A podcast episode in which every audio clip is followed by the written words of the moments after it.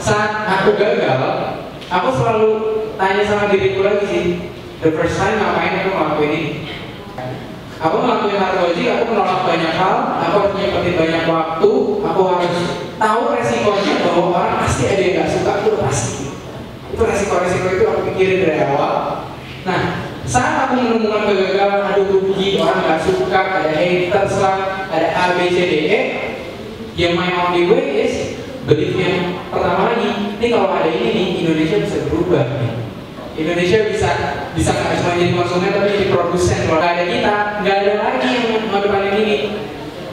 Nggak ada lagi yang memulai ini. Nah makanya kalau misalnya kalau aku selalu kalau misalnya bikin startup lihat dulu kenapanya bukan apanya yang dijual. Bukan. Really apa yang dijual itu outcome dari kenapanya